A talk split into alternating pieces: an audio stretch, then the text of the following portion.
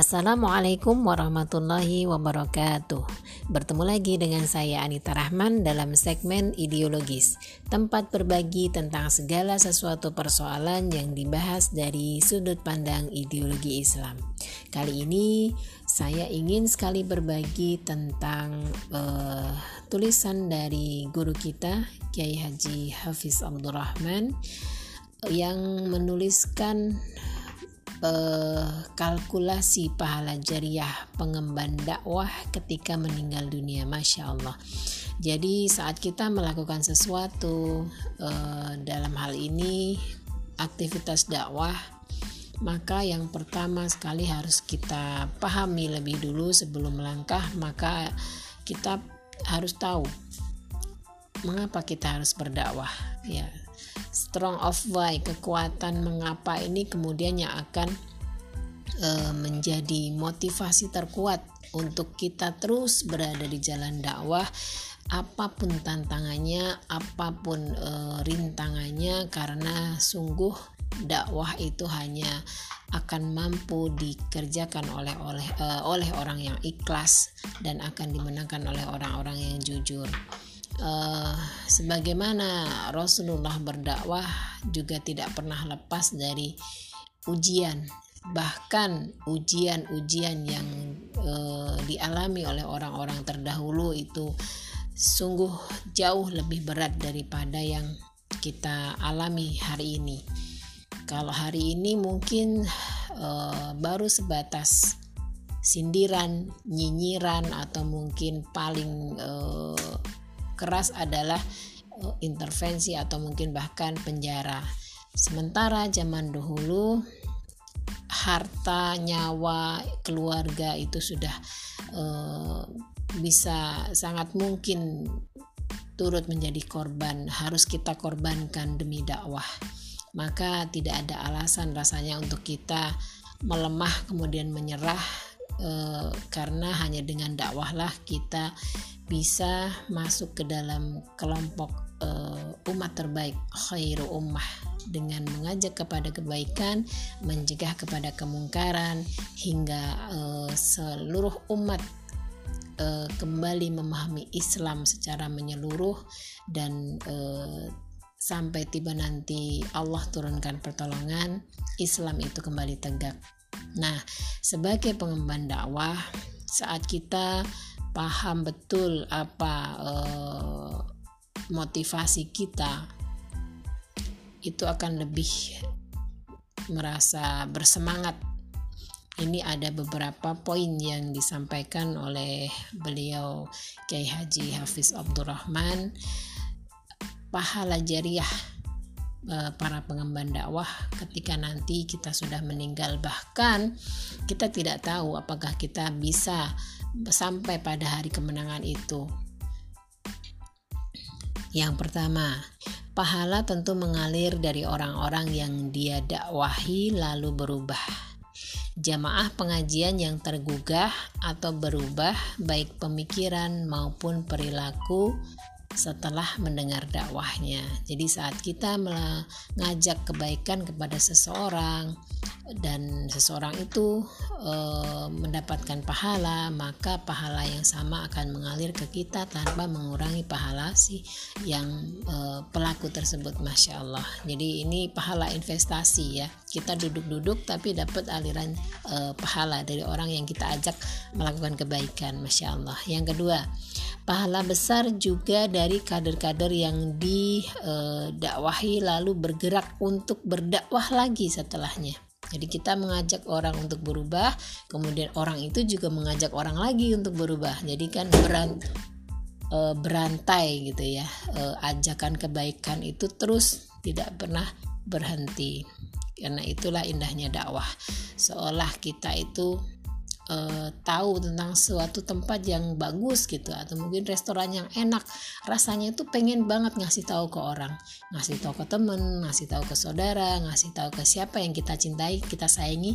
Eh di sana ada tempat makan enak loh. Eh di sana ada pemandangan yang bagus loh. Nah seperti itu pula dakwah. Saat kita merasakan keindahan atau mungkin kenyamanan kenikmatan uh, hidup e, dengan Islam e, karena dakwah. Kita juga ingin orang lain itu merasakan seperti yang pernah kita rasakan. Petunjuk hidayah e, apa namanya visi misi yang benar-benar kuat jauh ke depan gitu. Jadi kita tahu kita tuh mau ngapain sih sebenarnya kita mau ngejar apa sih gitu.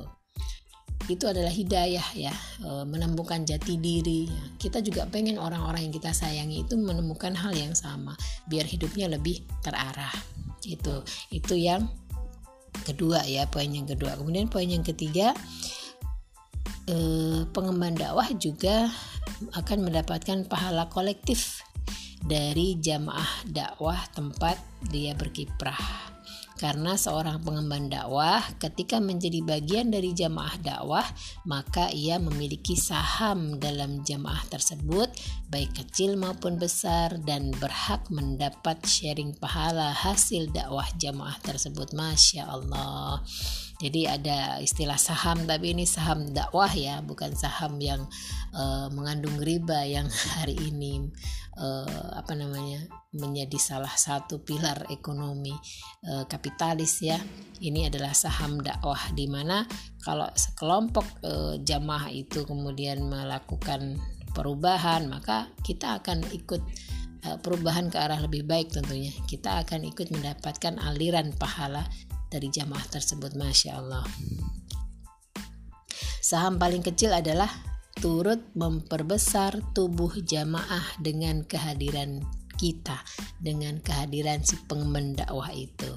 Maka bersyukurlah wahai kalian wah pah, eh, para kader jamaah dakwah Masya Allah. Kemudian yang keempat dan ini paling wow ya eh, pengemban dakwah akan mendapatkan pahala dari masa depan. Kok bisa? Nah, jadi beliau menyampaikan Kiai Hafiz, eh, Haji Hafiz Abdul Rahman menyampaikan Rasulullah Shallallahu Alaihi Wasallam sudah memberikan bisyarah atau kabar gembira akan kembalinya masa di mana umat kembali jaya, syariat diterapkan, khilafah ditegakkan. Saat itu, kebaikan, kemuliaan, keadilan, dan kesejahteraan kembali meliputi dunia. Apakah masa itu turun dari langit?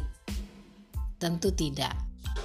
Gak, eh, sangat tidak mungkin kita tiba-tiba besok bangun tidur langsung khilafah kan tidak ya semuanya adalah butuh proses semuanya butuh waktu dan itu tidaklah sebentar tidak sebulan dua bulan. Wallahu alam kapan akan uh, Allah izinkan untuk tegak.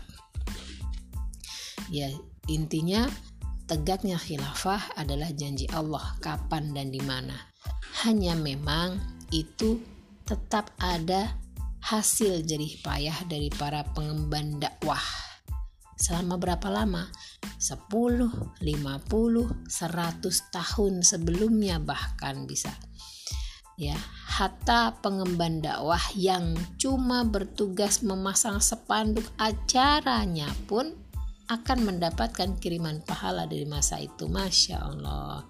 Bayangkan betapa besarnya kebaikan yang dihasilkan pada masa itu dan hasilnya mengalir kepada pengemban dakwah masa sekarang.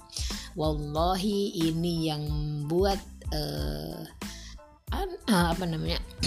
Anak terus terjaga dari rasa futur masya Allah. Ini yang disampaikan beliau. Ini yang membuat beliau ya yang membuat Kiai Hafiz Abdurrahman uh, terus terjaga dari rasa, rasa futur karena motivasi yang luar biasa. Pahala jariah yang uh, apa namanya? Dijanjikan bagi kita para pengemban dakwah masya Allah. Terpilih menjadi pengemban dakwah adalah kemuliaan yang tidak ternilai maka apakah kita sudah mensyukurinya?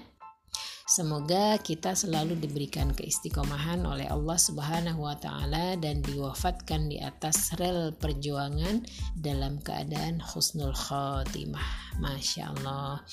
Jadi memang eh, dakwah itu hukumnya wajib.